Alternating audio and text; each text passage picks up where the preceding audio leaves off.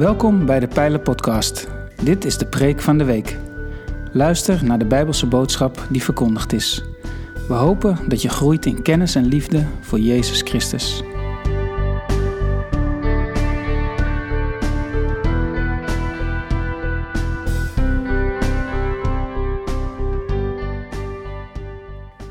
Jezus geeft je menselijkheid terug.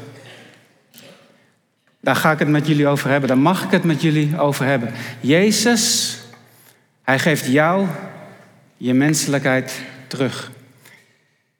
Ik wil beginnen met een citaat. Alles in Mariupol is kapot gemaakt. Het is de hel op aarde. Dat is een uitspraak van Olga, inwoonster van deze stad in Zuid-Oekraïne. De media die laten ons al drie weken lang, ruim drie weken lang, horrorbeelden zien van menselijk leed. Dicht bij ons huis. Nog geen twee dagreizen ver. Voor de meeste van ons, voor de meeste van ons is dat heel onwerkelijk. We kennen oorlogsdocumentaires van de Tweede Wereldoorlog. Zwart-wit, zonder geluid, haperende beelden. Beelden uit een ander tijdperk. Een, een andere wereld lijkt het wel eens, als je dat bekijkt. Maar nu, lieve mensen, zien we dat opnieuw. Full color. Vaak uit eerste hand. Bijna niet te geloven. Bijna niet te geloven. Eén foto die werd heel veel gedeeld over de hele wereld. Dat is deze foto. Een bombardement op een kinderziekenhuis.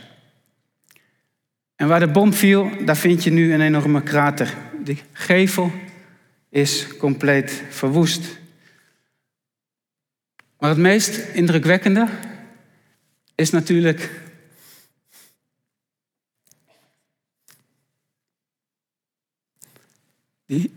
die, vrouw, die hoogzwangere vrouw op die brancard. Die in veiligheid gebracht wordt door vrijwilligers, door veiligheidsdiensten. Totaal in shock, die vrouw. Haar bekken is volledig verbrijzeld. En artsen probeerden haar leven te redden. Ook dat van haar ongeboren kind. Maar tevergeefs. Een paar dagen later overlijden ze aan hun verwondingen. Die kraamkliniek was een plek van nieuw leven. En nu is het een plek van dood en verderf. Het kwaad in deze wereld berooft mensen van hun menselijkheid. En het is precies dezelfde wereld waarin Jezus uit Nazareth zijn voetstappen ooit heeft gezet. En Marcus, die beschrijft dat in zijn evangelie. En zijn biografie over Jezus, dat is geen gepolijst verhaal. Dat is het niet. Christendom ontkent het lijden niet. Jezus, die kent de confrontaties met het kwaad. Met situaties die mensonterend zijn. En meer dan eens liep dat ook af zonder happy end. Vanmorgen wil ik met jullie instappen bij Marcus 5, het vijfde hoofdstuk. Storm is over het meer getrokken. Jezus en zijn vrienden die bereiken toch de overkant. En als ze daar komen, dan komt er gelijk iemand op ze afgerend. Een heel bedreigend figuur. En in de confrontatie die dan volgt, gaat het Marcus niet om de discipelen. Zijn lens die richt zich volledig op Jezus. Hoe reageert Jezus op deze man? Een man die helemaal in de greep lijkt te zijn van het kwaad. Wat doet Jezus met deze man die beroofd lijkt te zijn van zijn menselijkheid? Is hij in staat om het leven van die persoon te veranderen? En wat we zien, eh, dat is schokkend. Dat is heel schokkend. En eerlijk gezegd lijkt het ook wel een beetje een beeld uit een ander tijdperk, uit een andere wereld. Maar als jij open staat voor wie Jezus is, dan kun je ontdekken welke bevrijdende kracht er in dit verhaal schuilt. Ik wil het met jullie lezen. Het staat in Marcus 5, dat zei ik al. Ook als je thuis zit op de bank, ik zeg dat vaker. We zien u niet, maar pak gerust je Bijbel erbij. Ik wil de versen 1 tot en met 20 met jullie lezen.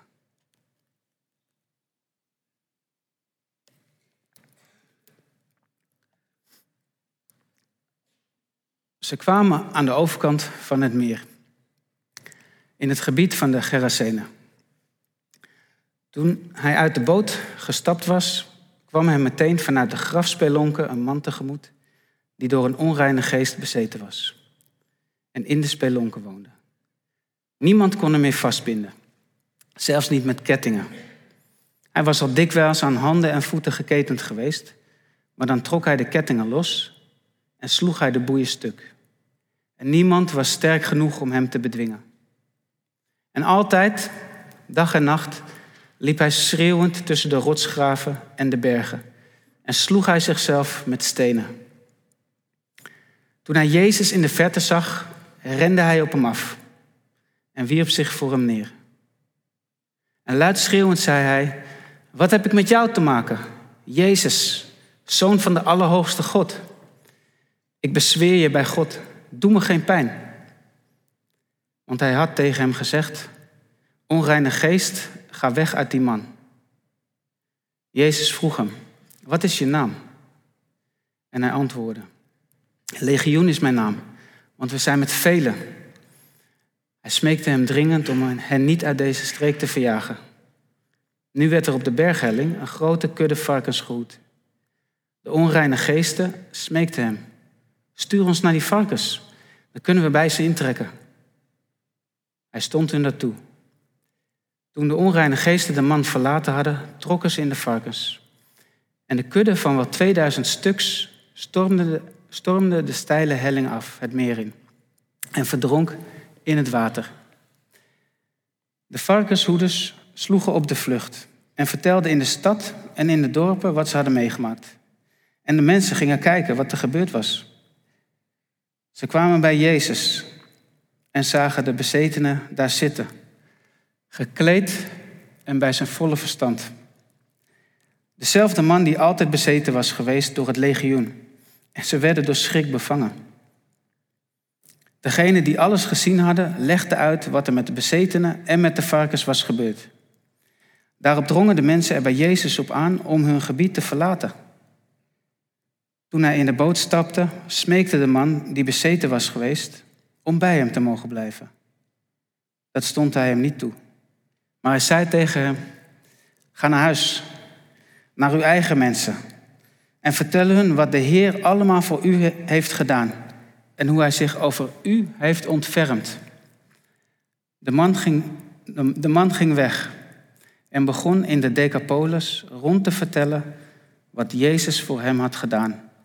En iedereen stond verbaasd. U heeft het woord van God gehoord, lieve mensen. Voor het eerst reisden Jezus en zijn discipelen voorbij de grenzen van Israël. Ze zijn in het gebied van de Gerasenen. Een dunbevolkte streek ten oosten van het meer van Galilea.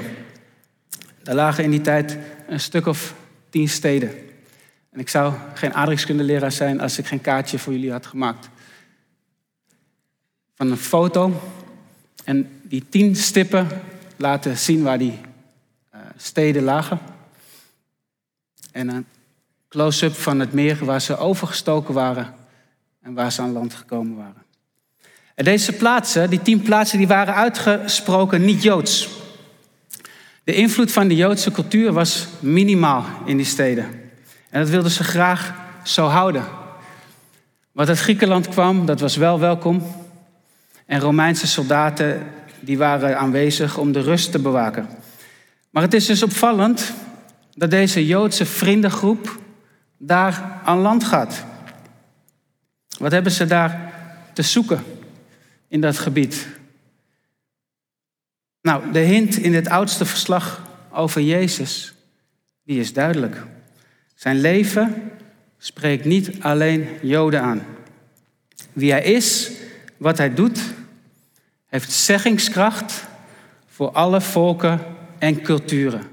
Zoals we het net ook prachtig hebben gezongen. Dus ook voor jou en voor mij. Maar zeker ook voor die man die op hem afgerend komt. Die op hem afgerend komt. En wat is deze man er slecht aan toe? Wat is hij er slecht aan toe? Er zijn weinig personen in de Bijbel die er zo ellendig aan toe zijn als deze man die hier wordt beschreven. Hij heeft geen dak boven zijn hoofd. Hij leeft tussen rotsgraven. Alle pogingen om hem te helpen zijn mislukt. En nu leeft hij daar buitengesloten van de gemeenschap. Bijna non-stop aan de wandel. Naakt, schreeuwend, destructief, zichzelf verminkend met stenen. Wat is er nog over van zijn menselijkheid? Hij lijkt van alles beroofd te zijn. En vers 2 geeft een oorzaak van zijn verschrikkelijke conditie. Hij is door een onreine geest bezeten. Nou, wat betekent dat? Wat betekent dat? Deze persoon is onder invloed van een demon. Een geestelijke entiteit, een geestelijk wezen die blijkbaar in staat is om bezit van hem te nemen. Nou, hier schuurt het verhaal een beetje met onze overtuigingen, denk ik. Je hebt misschien de neiging om te denken, als je dat zo leest, zo hoort, ja, die man die leidt, die leed aan een psychose. Maar met zo'n diagnose slaat de rest van het ooggetuigenverslag natuurlijk helemaal nergens meer op. Bovendien zegt de tekst duidelijk dat deze man bezeten is. Nou, welke ruimte heeft demonie, zoals ze dat dan noemen, in jouw overtuigingen, in, jouw, in, jouw, in jouw kijk op de wereld waarin je leeft. Er zijn twee valkuilen die we moeten vermijden als we het over dit thema hebben, even kort. Twee valkuilen, namelijk overdrijving, overdrijving en ontkenning. In de middeleeuwen groeide het bijgeloof en de fantasie sloeg op hol van velen. Ongezond. Ongezond. En we verbranden geen heksen meer op ons stadhuisplein.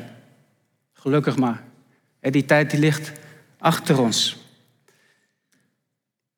Die ligt ver achter ons. Maar, maar laat de charismatische onder ons opletten dat ze niet opnieuw verstrikt raken in een ongezonde obsessie voor demonie. En de wetenschap die ontwikkelde ook verder. En daardoor ontstond er in heel veel westerse kerken een bepaalde schaamte, een bepaalde verlegenheid over dit thema. En dat is heel begrijpelijk. Maar het andere, het andere uiterste, het andere uiterste is ontkenning.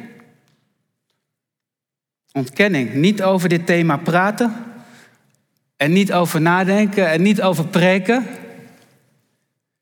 alles weg, psycholo, psycholo, uh, hoe noem je dat? Alles weg, uh, alles psychologisch benaderen.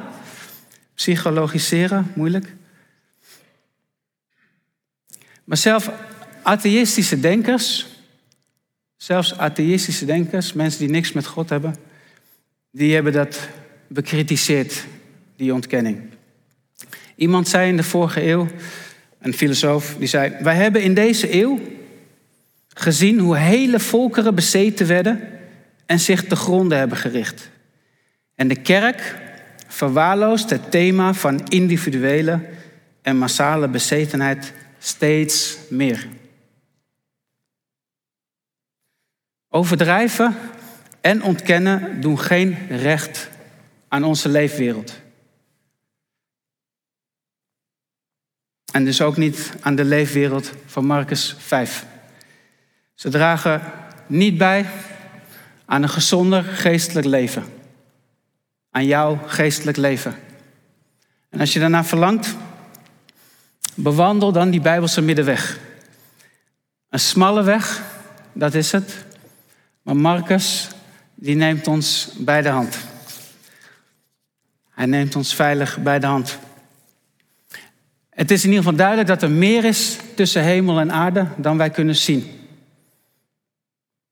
Want in vers 6 en 7 rent die bezeten man op Jezus af. En wat doet hij? Hij werpt zichzelf voor hem neer. Niet in een houding van aanbidding, maar als teken van overgave en erkenning. En die onreine geest, die weet wie zijn meerder is. En dan laat die man eerst nog luid schreeuwen. Wat heb ik met jou te maken, Jezus, zoon van de Allerhoogste God? Hij probeert Jezus nog een beetje van hem af te houden door intimidatie. Maar dan is het opvallend welke titel hij gebruikt voor Jezus.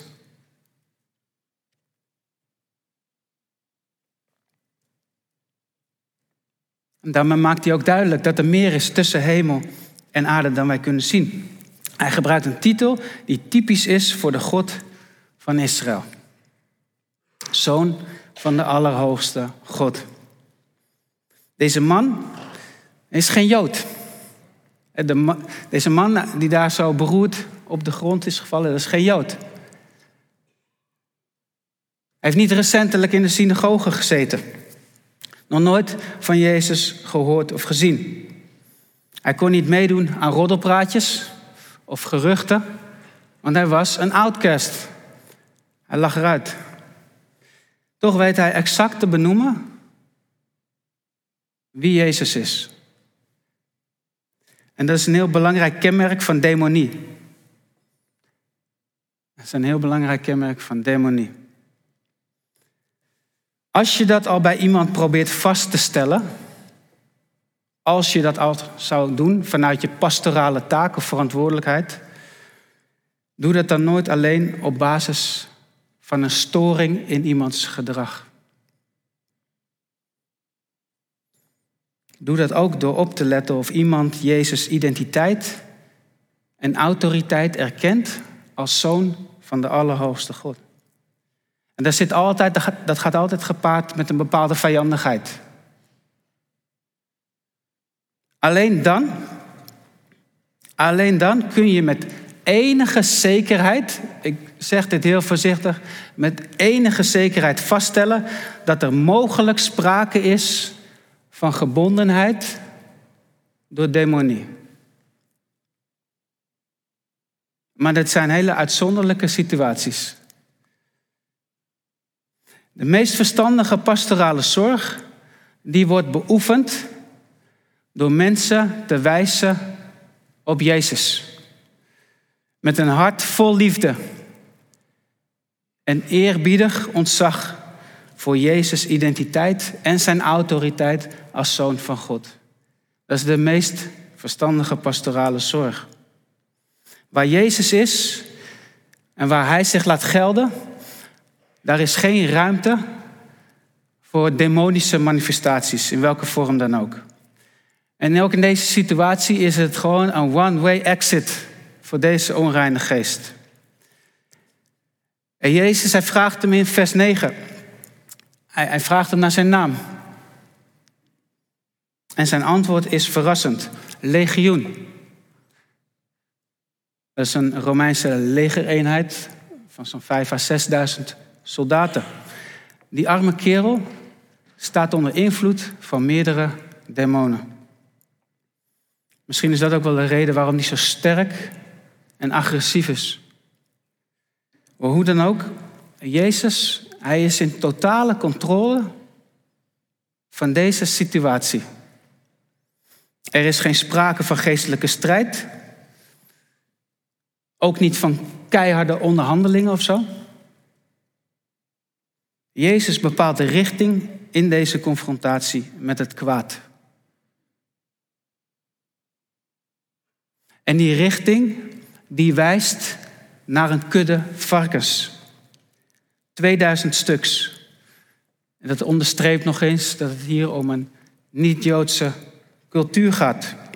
Want Joden eten geen varkensvlees. Onrein. Maar in plaats van dat deze varkens eindigen op een dinnerpleet, verdrinken ze allemaal in het meer. Dood. En de varkenshoeders die zien dat kapitaal van hun bazen in één klap verdwijnen. Weg. Ze slaan in paniek op de vlucht. Want ze hebben wat uit, uit te leggen. Ze hebben wat uit te leggen aan hun baas. En in, uh, ja, als ze terugkomen, dan zijn ze, dan zijn ze opnieuw in shock. Als je in vers 15 kijkt, dan staat er het volgende. Voor mij persoonlijk de prachtigste vers uit het gedeelte. Vers 15 zegt: Ze kwamen bij Jezus en zagen de bezetenen daar zitten, gekleed en bij zijn volle verstand. Dezelfde man die altijd bezeten was geweest door het legioen. En ze werden door schrik bevangen, ze waren in shock. Wat een transformatie van deze ellendige kerel.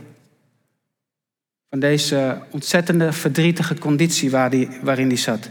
Wat een transformatie. Zien jullie wat Jezus heeft gedaan met deze man?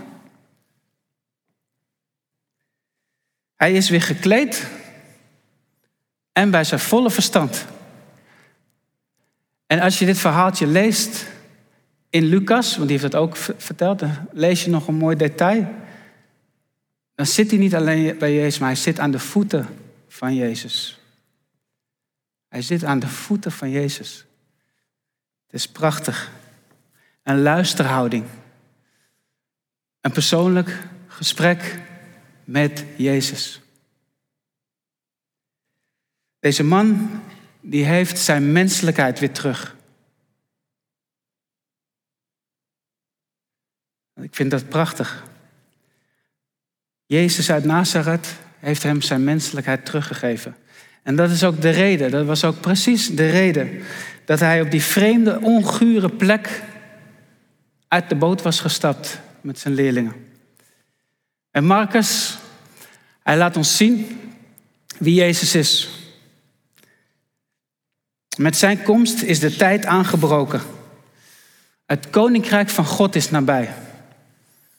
Kom tot inkeer, zegt Marcus, zegt Jezus in Marcus. En geloof het evangelie, het goede nieuws. Dan kan jij je identificeren met deze man uit het gebied van de Gerasenen. Herken je iets van zijn ellendige conditie? bezeten zijn door demonische krachten. Dat is denk ik best lastig voor veel van ons. Gelukkig maar. Toch durf ik te beweren dat we allemaal een beetje op hem lijken. De een misschien wat meer dan de ander. Hij was een niet-Joods persoon, een heiden. Dat zijn de meeste van ons ook. Maar het gaat me vooral om die onreine geest.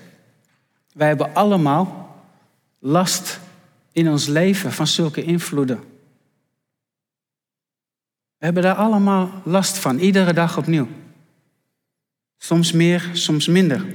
Waarschijnlijk ook niet in dezelfde mate als die man, maar toch voldoende om een deel van jouw menselijkheid te verliezen.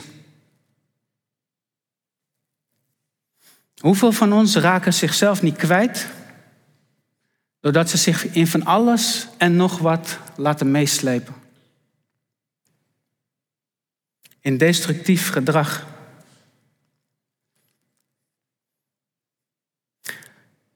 Demonen beïnvloeden het terrein van je leven waar je hart het meest toe geneigd is.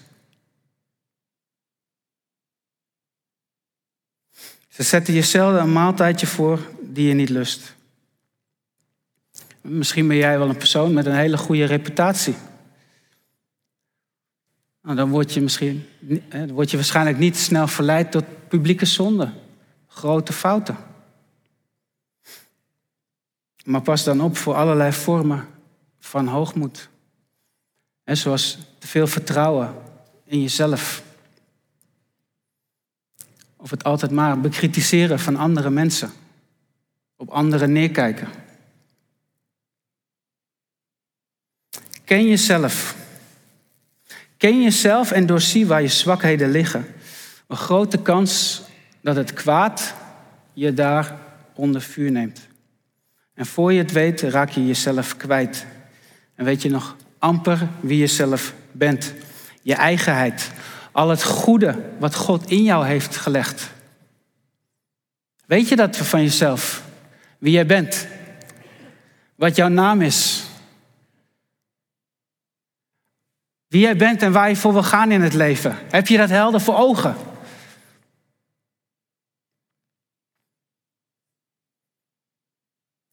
Laat je niet beroven van je menselijkheid, beste vriend, beste vriendin. Jezus leerde zijn volgelingen niet voor niets een gebed, een dagelijks gebed met de beden. Breng ons niet in beproeving, maar red ons van het kwaad. Kijk, het grote probleem is dat mensen zichzelf niet serieus genoeg nemen. Dat wij ons eigen leven niet goed op waarde weten te schatten. En dus ook niet het leven van andere mensen. En die reactie van die varkenshoeders en hun bazen, die illustreert dat op een treurige, maar op een perfecte manier. Treurig, maar perfect.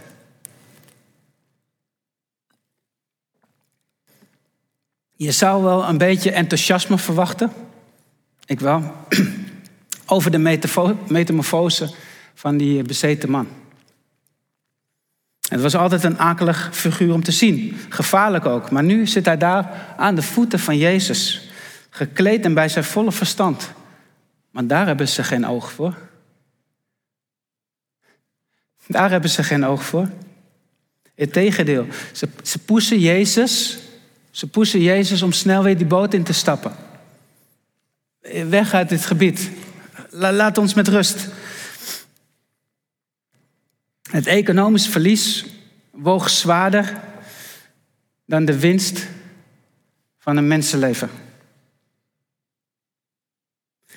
En die manier van denken, die is ons, die is mij, nog steeds eigen.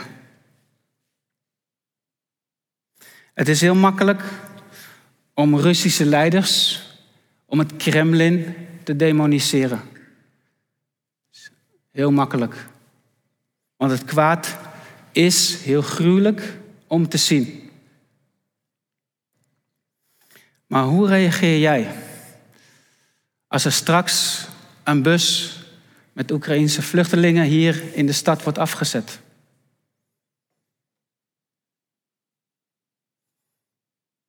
Kunnen ze dan rekenen op jouw compassie? Sta je voor ze klaar? is wel interessant om even over na te denken. Hoeveel is het leven van een Russische moeder, van een Oekraïense moeder met haar kinderen, voor jou waard?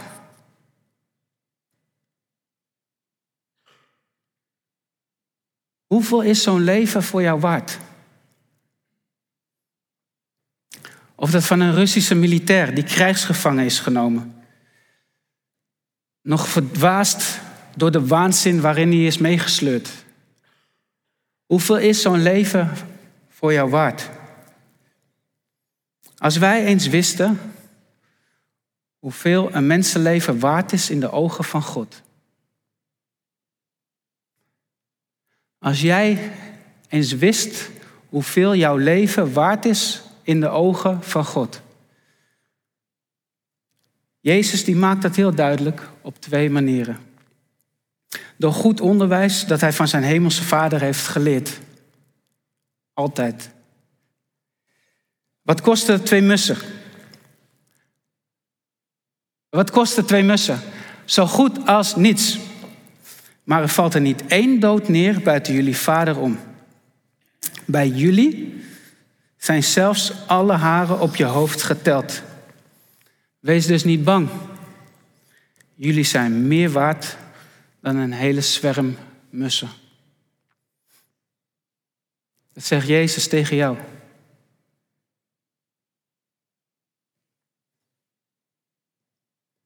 Maar het kruis op Golgotha, die laat maximaal zien hoeveel jij waard bent in de ogen van God. Goed onderwijs, ja. Maar het kruis van Jezus Christus laat het maximaal zien hoeveel hij van jou houdt. En het kruis laat ook zien hoe Jezus die man zijn menselijkheid kon teruggeven. Ik vind dat heel boeiend toen ik daarover nadacht. Het kruis laat ook zien hoe Jezus die man zijn menselijkheid kon teruggeven. Want Marcus, hij zegt het niet expliciet, maar alles wijst erop in het verhaal dat die man tot geloof is gekomen. Zijn zonde vergeven. Er staat in dit verhaal een prille, maar persoonlijke relatie met God. Door wat Jezus voor hem had gedaan. Hoe is dat mogelijk? Nou, om dat te begrijpen moet je Marcus andersom lezen, achterstevoren. En kijken naar het kruis. Want alles wat Jezus heeft gezegd en gedaan, vindt daar zijn betekenis. Ook voor die bezeten man uit het gebied van de Gerasene. Jezus ging namelijk ook voor hem die lijdensweg. Ook in zijn plaats. Het plaatsvervangend liet Jezus voor deze man zijn handen en voeten ketenen. Buiten de poorten van de stad werd Jezus verworpen door de gemeenschap. En daar liet hij zichzelf kruisigen. En veroordeeld als een outcast hangt hij daar urenlang in die brandende zon. Naakt en zijn lichaam vol met striemen. En ook Jezus, die schreeuwde het uit van pijn en ellende. Mijn God, mijn God, waarom heeft u mij verlaten? En hij stierf en legde daar al zijn menselijkheid af. Waanzinnig. En toch noemen wij dat altijd weer Goede Vrijdag. Een Goede Vrijdag. Want Jezus deed dat ook voor jou en voor mij. Hij deed het ook voor ons. Hoe jouw leven er vandaag ook uitziet. Waar je misschien ook door gekweld wordt in je leven. Als je krachten bij jezelf ontdekt die je niet de baas kunt zijn. Als je merkt dat je geplaagd wordt door een gebrek aan controle.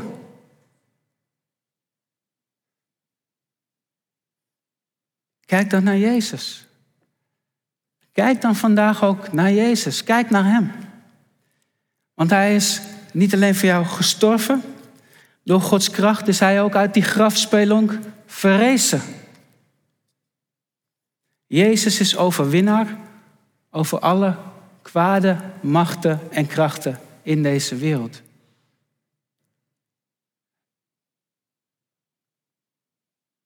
Christendom is niet wereldvreemd. En waar de geest van God waait, daar is het nooit saai. Daar gebeurt altijd iets. Tussen alle puinhoop en het geweld, in deze door het kwaad beheerste wereld, zoals Paulus zegt, daar geeft Jezus nieuw leven. Daar geeft Jezus nieuw leven. Hij geeft je je menselijkheid terug. Dat is de boodschap voor jou vandaag. Hij geeft je jouw menselijkheid terug. Leven in al zijn volheid. En misschien ervaar je dat vandaag wel voor het eerst in deze dienst. Misschien ervaar je dat voor het eerst. Misschien volg je Jezus al een langere tijd. Nou, wees niet bang. Wees nooit bang. Dat Jezus niet weer weet wie jij bent. Of dat hij moe zou zijn omdat jij weer bij hem aanklopt. Besef hoeveel jij waard bent in de ogen van God, lieve mensen. Hij verlangt ernaar om bevrijding te geven. En geloof het goede nieuws. Geloof het goede nieuws van koning Jezus. Een koning die kwam om te dienen en te leiden. Jezus is geen heerser die zichzelf met geweld aan anderen opdringt.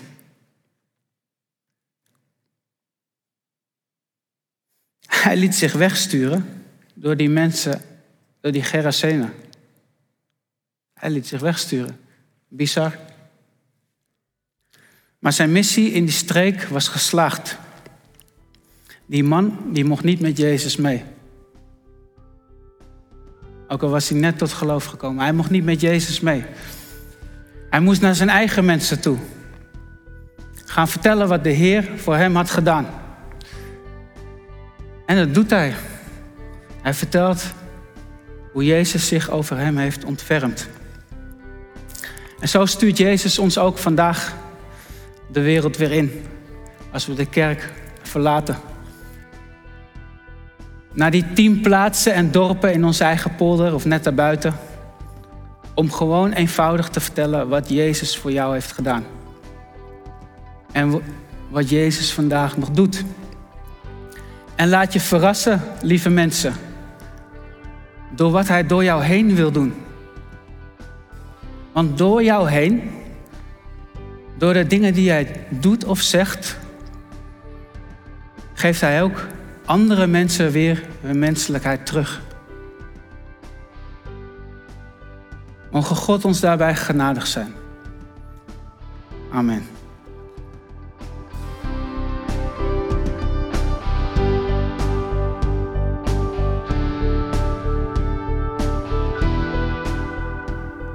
Bedankt voor het luisteren naar deze aflevering van de Pijlen Podcast, Preek van de Week. Heb je vragen naar aanleiding van deze preek? Stel ze. Dat kan via een e-mail naar onderwijs.pijler.nl. We helpen je graag verder in je groei als leerling van Jezus Christus. Abonneer je op deze podcast zodat je altijd op de hoogte blijft van het onderwijs uit de Pijler. Goede week gewenst, ga in vrede, want God is nabij.